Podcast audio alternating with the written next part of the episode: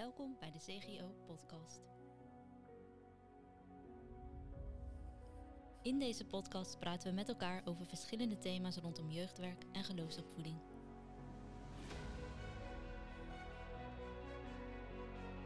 Met elke keer een nieuwe gast, leuke anekdotes en leerzame ideeën.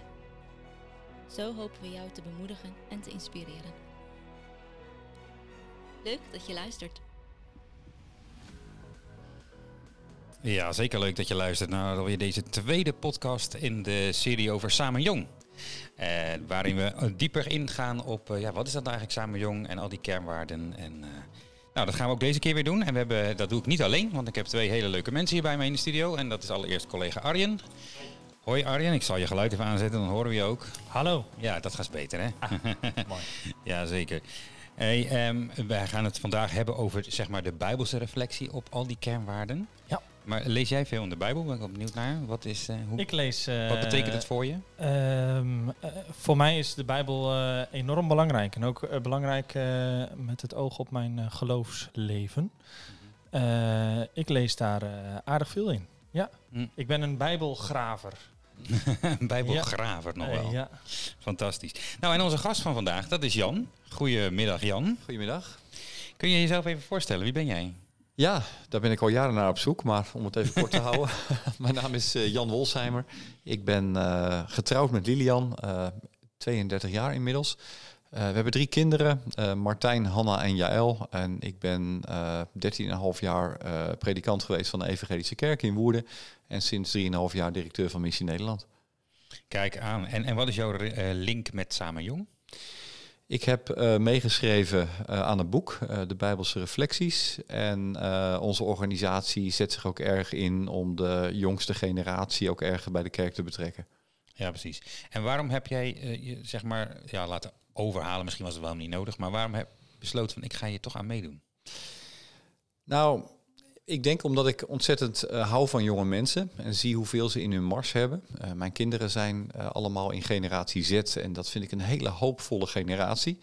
Die is niet zo trouw aan de kerk, maar soms wel heel trouw aan Christus. Dat is ook opvallend om te zien. Hè. Toen, ik, toen ik jonger was in de tachtige jaren van de vorige eeuw, ja, als je dan niet naar de kerk ging, ja, dan hield je eigenlijk ook op met geloven. En daar, dat is nu heel anders. Dat is ook wel verrassend en ingewikkeld. Maar ik, ik, ik geef dus erg om deze generatie. En ik vind het ontzettend leuk om eh, iets bijbels theologisch toe te voegen. eh, op een begrijpbaar niveau. En dat, eh, dat was wel de uitdaging bij dit boek voor mij. Ja, precies. Ja, want hoe ben je te werk gegaan? Want als je, meestal is het, begin je met een bijbeltekst en daar komt een boodschap uit. Zeker, Ja. ja, je had nu hier al een heel concept liggen. Ja, dat was eh, ook best wel even zoeken. Want ik hou er echt niet van om de Bijbel te laten buikspreken, zoals we dat vroeger noemden. Dus dat je een mooi thema hebt en daar zoek je allerlei eh, Bijbelteksten bij. En dan zegt die Bijbel precies wat jij al vond. Dus ik, ik hou erg van uit de tekst spreken en me dan te laten corrigeren door de tekst. Maar goed, dit is ook geen preek. Eh, je weet, Samen Jong is een, een, een, een, verbouwing zeg maar, van een Amerikaans onderzoek, Growing Young. En daar moesten dus nieuwe hoofdstukken voor geschreven worden, juist vanuit de Nederlandse context, eh, op basis van de zes kernwaarden van Samen Jong. En die kernwaarden, ja, dat, dat was de zoektocht, eh, moest ik teruglezen in de Bijbel. En ik dacht van ja, ik ga niet eh, die kernwaarden in de Bijbel proppen. Ik wil echt wel zoeken naar teksten waarvan ik denk van ja, dit ligt zo voor de hand dat, dat dit te maken heeft met dit thema. Dit kun je er als het ware zo van afscheppen. Hm. Ja, precies.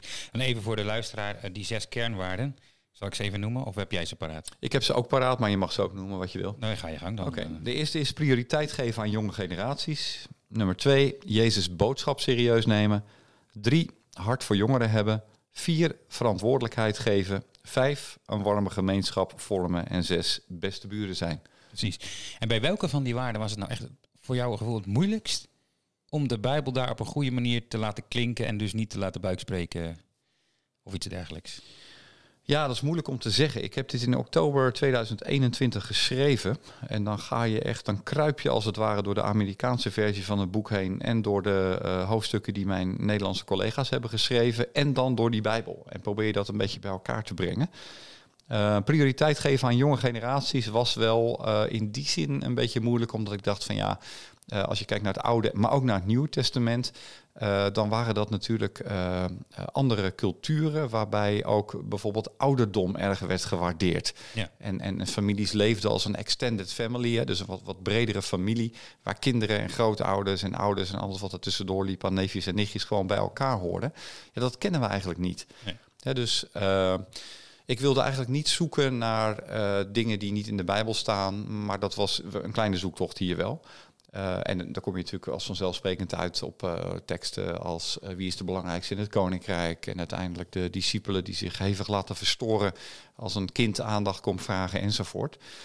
Um, nou, en daar heb ik dan wel een beetje gebruik van gemaakt. Maar dat vond ik echt wel met stip het moeilijkste hoofdstuk, herinner ik mij. Want wat ik, uh, wat ik begrijp uit, uh, uit het boek, uh, dat de kernwaarden prioriteit geven aan jonge gezinnen, dat dat niet alleen gericht is op, op de jonge gezinnen, maar juist ook om het intergenerationele Precies, ja.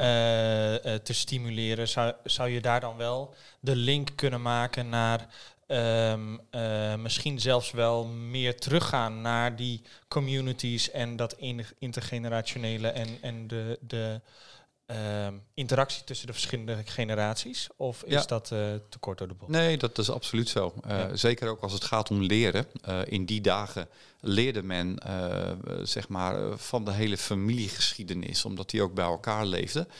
Um, en dat is anders dan nu. Hè. We hebben nu natuurlijk allerlei peer groups, allerlei bubbels waar we in zitten, die elkaar eigenlijk nauwelijks meer raken. En dat maakt het heel erg complex om, om een community te vormen van mensen van verschillende leeftijden, van verschillende inzichten, die zich formeren niet rondom een idee, maar rondom een persoon, namelijk de persoon van Jezus.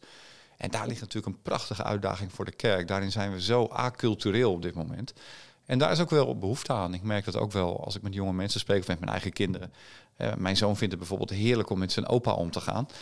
Uh, dus de vader van mijn vrouw, want mijn vader is wel overleden. Ja, en dat vind ik prachtig om te zien hoe, hoe hij dan de wijsheid aan mijn zoon kan geven, maar ook omgekeerd van mijn zoon kan leren. Daar zit iets wederkerigs in. En, en ja, dat is eigenlijk wat de kerk is volgens mij. Ja. Ja, en want die, een van die kernwaarden is inderdaad prioriteit geven aan jonge gezinnen. Ja. Doet de Bijbel dat ook?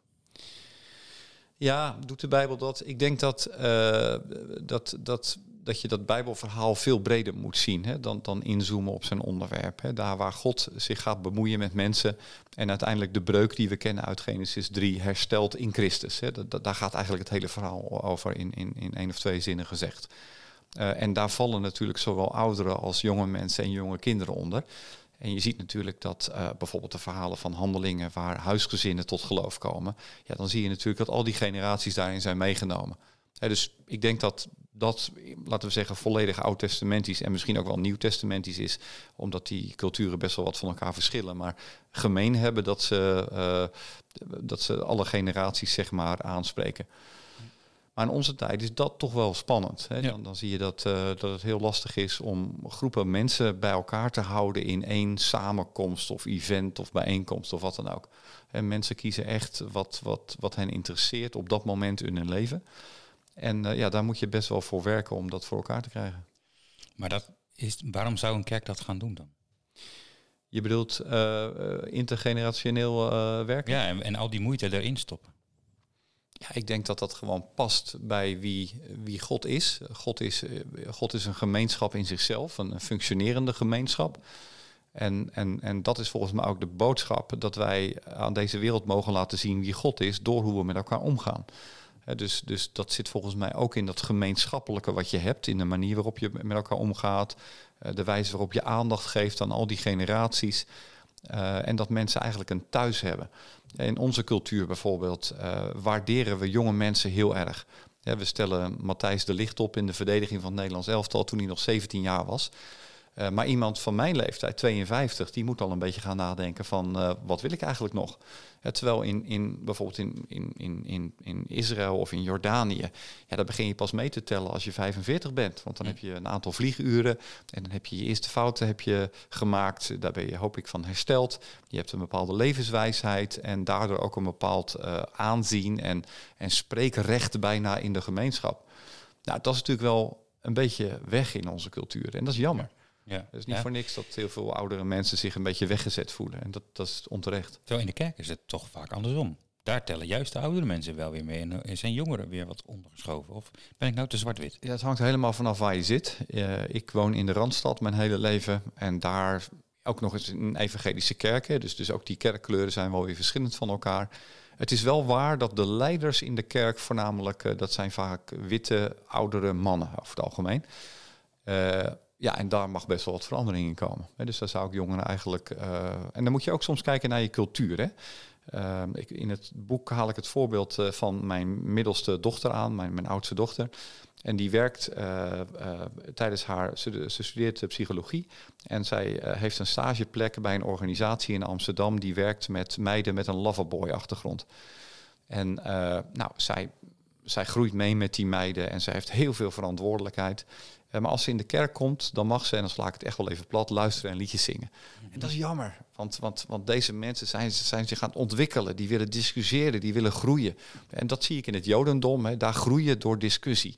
En dat mag op het scherpst van de snede. En daar is in de kerk niet zo heel veel ruimte voor. Daar is meer van, nou, iemand vertelt iets en dat nemen we eh, voor waar aan. En dat zal ook allemaal wel waar zijn. Maar vervolgens is er niet heel veel ruimte voor de gemeenschap aan zich. En dat zou wat mij betreft wel een beetje kunnen verbeteren. Maar dat zit bijvoorbeeld in, in, in eh, verantwoordelijkheid geven, dat hoofdstuk. Hè? Ja, precies. Ja, dat is een van die kernwaarden. Ik wou er net vragen van dit hoort Ja. bij het, eh, dit voorbeeld wat je benoemt over je dochter. Ja. Dat hoort bij eh, eh, de, het principe eh, verantwoordelijkheid geven. Ja, Ja. klopt. Ja. En waarom is dat dan zo belangrijk voor jongeren? Dat ze wat mogen doen? Nou, jongeren van nu eh, willen meedenken eh, op het moment dat het plan eh, niet groter is dan een wit vel papier. Dus ze willen van het begin af aan serieus genomen worden. En ze snappen echt wel dat zij minder ervaring hebben dan diegene van 35 of 55 of 65 die ook aan tafel zit. Maar de kracht die zij hebben is dat ze heel erg creatief en vrij kunnen denken. En ik zou die denkkracht graag in de lokale kerk terug willen zien. Hm. Dat is op basis van gelijkwaardigheid. Hè. We snappen allemaal dat iemand van 65 veel meer levenservaring heeft dan iemand van 20. Maar dat betekent niet dat ze ongelijkwaardig aan tafel hoeven te zitten. Ja, precies. Want jij, jij hebt bij die kernwaarde verantwoordelijkheid doorgeven, noem jij ook het Mozes-syndroom. Ja, klopt. Ja. Wat bedoel je daarmee? Ja. Ja, het Mozes-syndroom kom ik heel veel tegen in de kerk. Je kent de geschiedenis als Mozes eh, recht moet spreken over het volk en dat allemaal een beetje bij zichzelf houdt. En die is hard op weg naar een burn-out. Dat, eh, dat idee heb je wel als je dat verhaal leest. En dan is zijn, zijn schoonvader Jethro, die priester is, eh, die is dan zo wijs om hem te adviseren hoe hij dat veel beter kan doen. Namelijk ook verantwoordelijkheid delegeren. Dus Mozes blijft dan wel eindverantwoordelijk als het gaat om hele grote conflicten.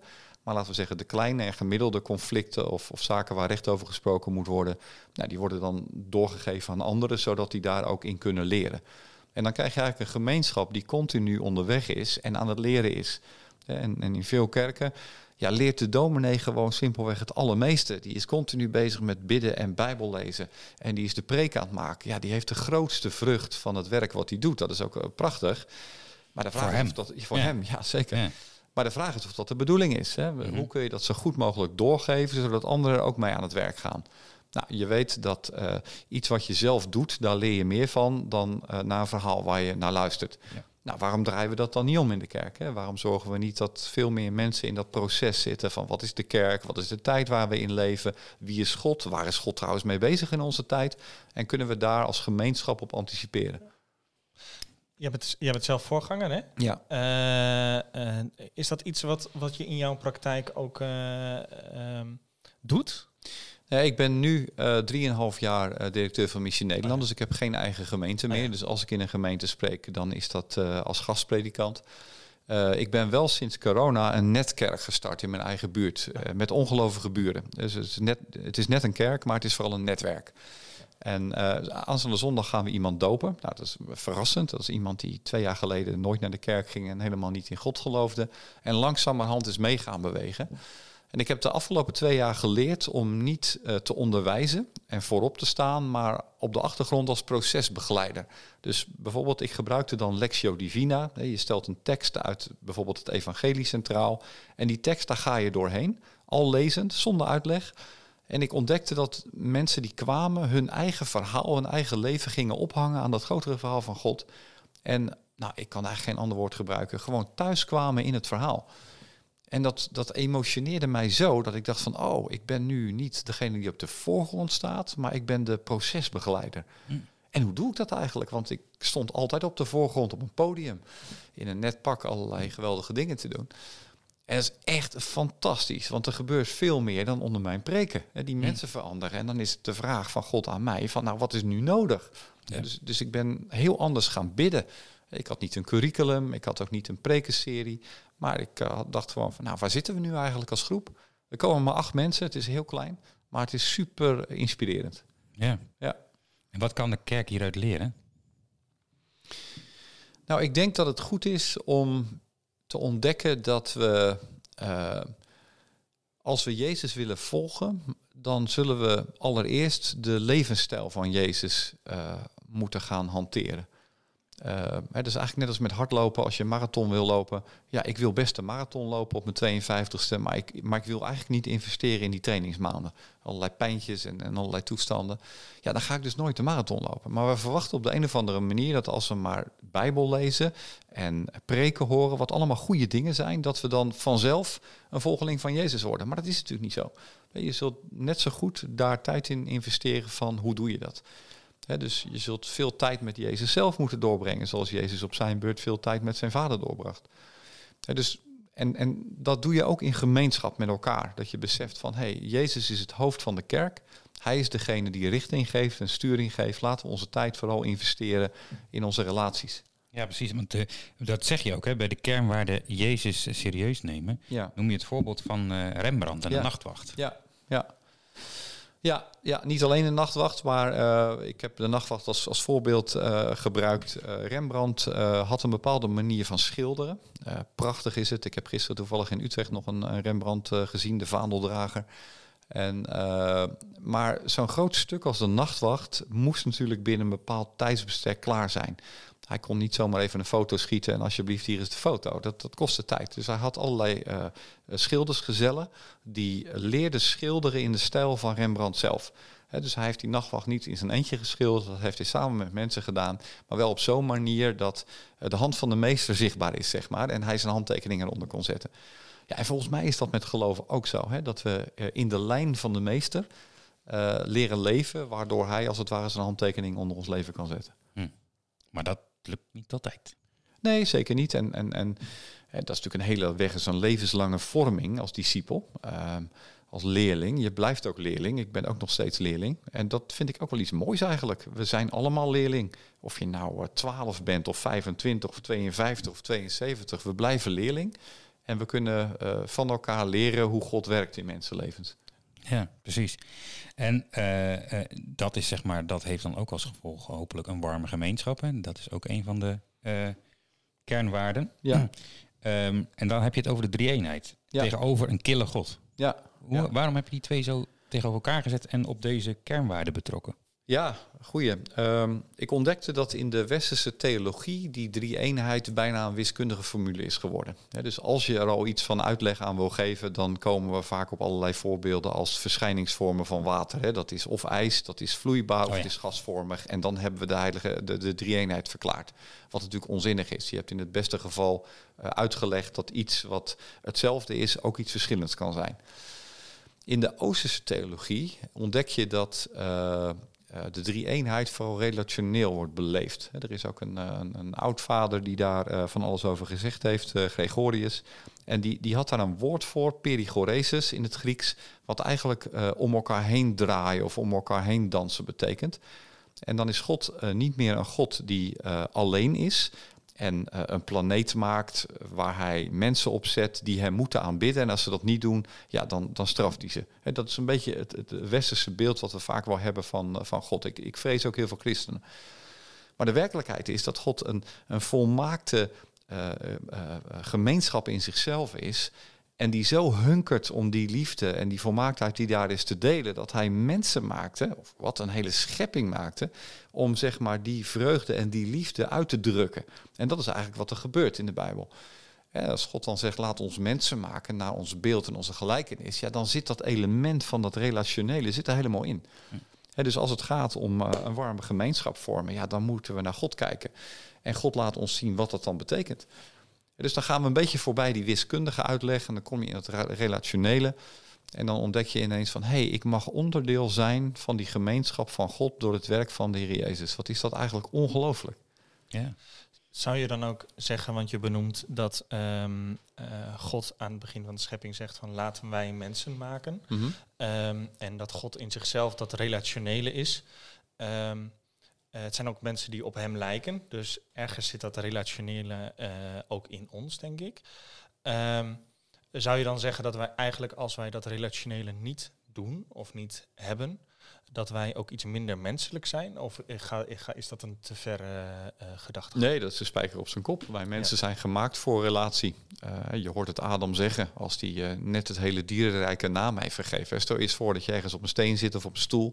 En al die dieren die je kent uit die mooie BBC-documentaires, die komen aan jou voorbij en jij mag ze een naam geven. En dan zegt hij dat hij eigenlijk, ja, hij is alleen. Hij, hij heeft geen tegenover. Iemand die is als hij. Dus hij ziet een kolibrie en een krokodil en een giraf en weet ik veel allemaal voorbij komen. Prachtige dingen allemaal. Schitterend. Ja, En toch zegt hij, ik, ik mis die relatie.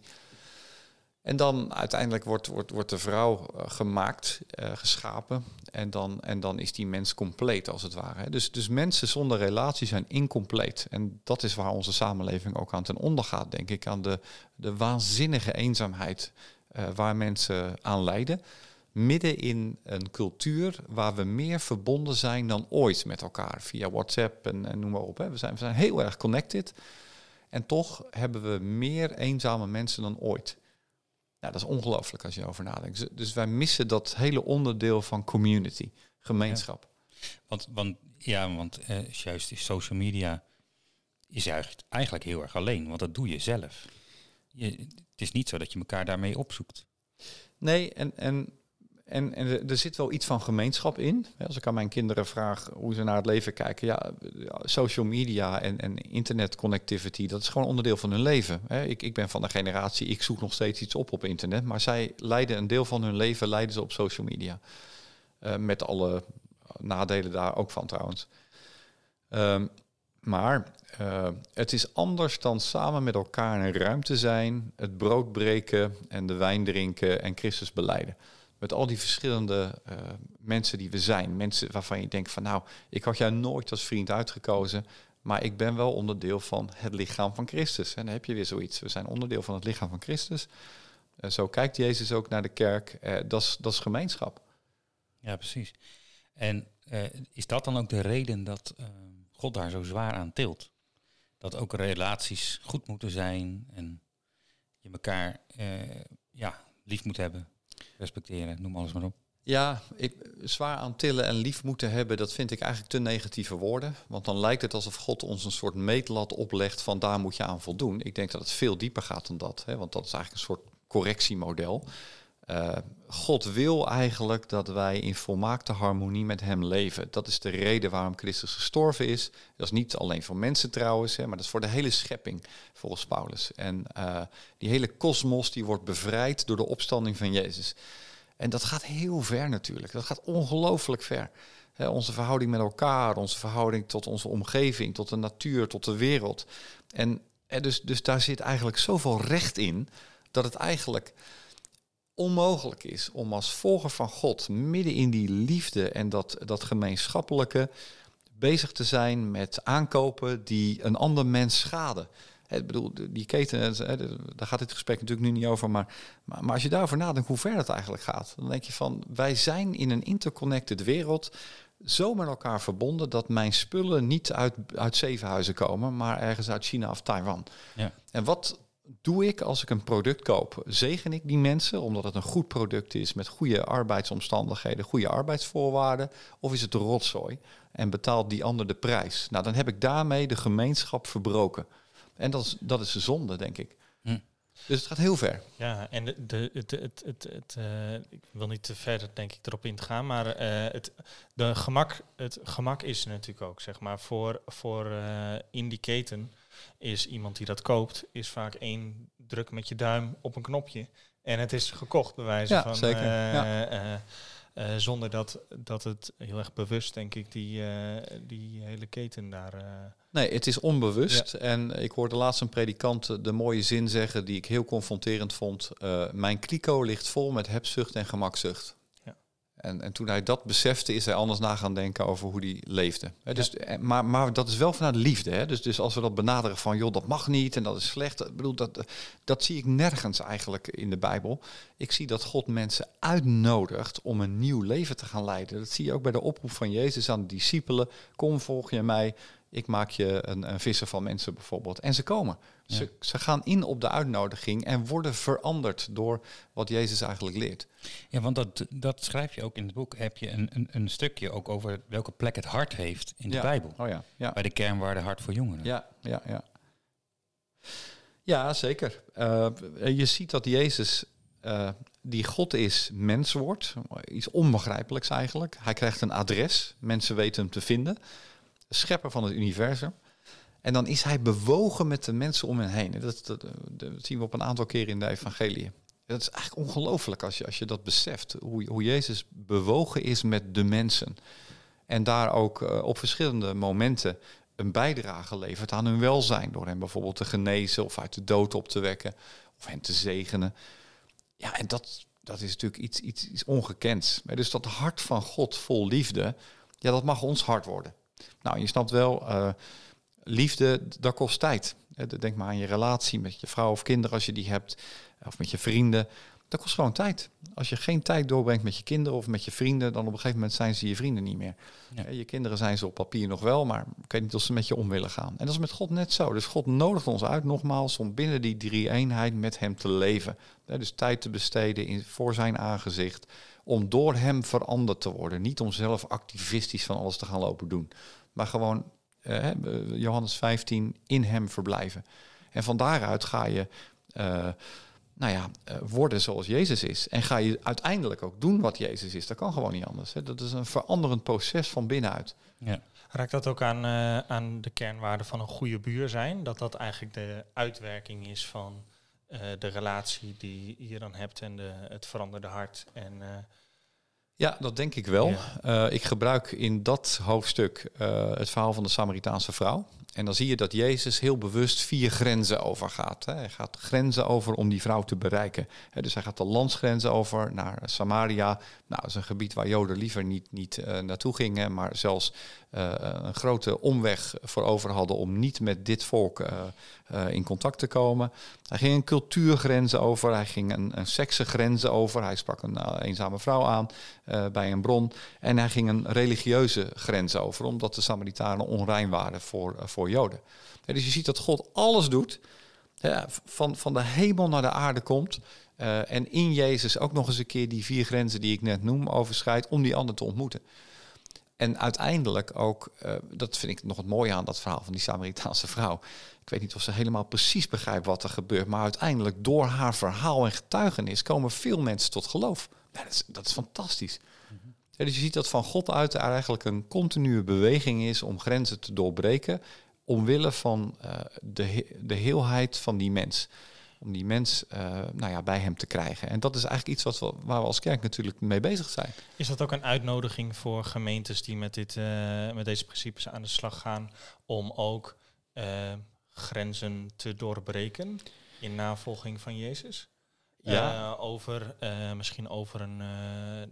ik kan me voorstellen dat soms om een goede buur te zijn, dat je ook best wel even over een eh, persoonlijke grens heen gaat, omdat je dan eh, ja, misschien een relatie moet aangaan met, eh, met mensen in een wijk Ja. waar,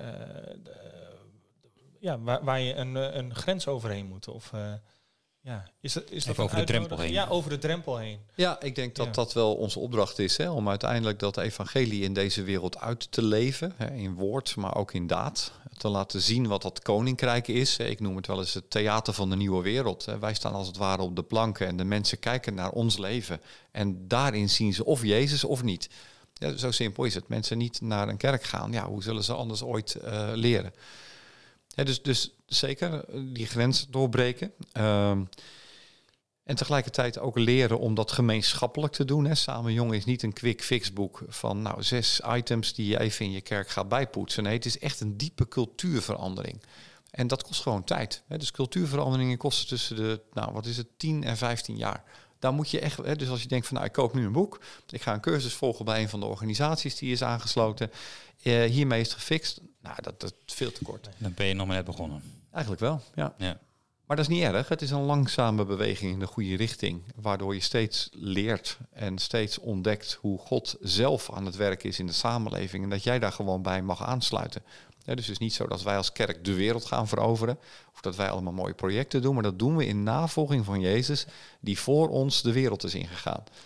Uh, om die wereld met zich te verzoenen. Ja. En jij hebt zeg maar voor dit uh, boek uh, een, heel wat in de Bijbel gedoken. Wat is nou hetgeen wat je echt het meest heeft verrast of geraakt van wat je hebt ontdekt? Ik denk toch Johannes 15. Ik, uh, ik haal dat aan bij uh, Jezus' boodschap serieus nemen. En Jezus zegt in Johannes 15 onder andere: Ik kan niks doen voordat ik het de Vader zie doen.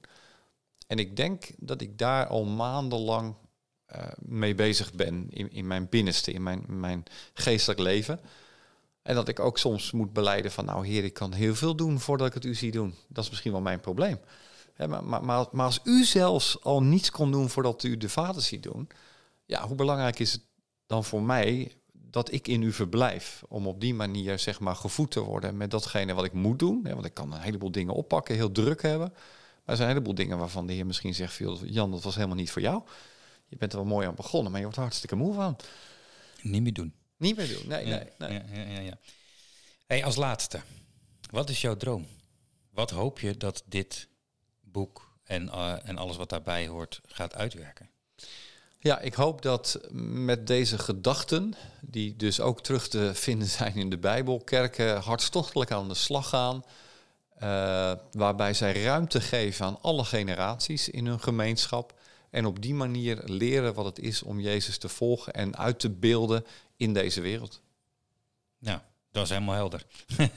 Super. Hey, ontzettend bedankt dat je hier bij ons was uh, en dat je in, uh, een beetje wilde toelichten over de bijbelse kant uh, van, van dit verhaal. Arjen, jij ook dankjewel dat je hier was en voor het meedoen. als je nog meer wil weten hierover, dat kan natuurlijk. Dan ga je naar, kun je surfen naar onze site cgo.nl slash samenjong. Of je kunt naar samenjong.nu, hè, dat is jullie website van Missie Nederland. Ja, Daar staan ja. alle deelnemers, alle uh, deelnemers. 20 organisaties. 20 organisaties maar liefst uh, staan erop die uh, allemaal meedoen. Daar kun je allemaal informatie, trainingen en noem alles maar op krijgen. Maar let op, dat is dus echt pas het startpunt. Hè? Ja, zeker. En dat is niet erg. Als je vasthoudt dat we allemaal leerling zijn, dan hebben we geen haast. Als iets is wat ik de laatste tijd geleerd heb, is dat God geen haast heeft. Want God is liefde en liefde laat zich niet haasten. Precies. Zo is het maar net. Amen. Ik zou zeggen, dankjewel voor het luisteren. Uh, we hebben nog één podcast hierna met Vincenza over praktische uh, toepassingen. Dus die kun je ook uh, opzoeken en luisteren. En voor nu zou ik zeggen, leuk dat je erbij was, leuk dat je luisterde. En graag tot een volgende keer. Hoi hoi!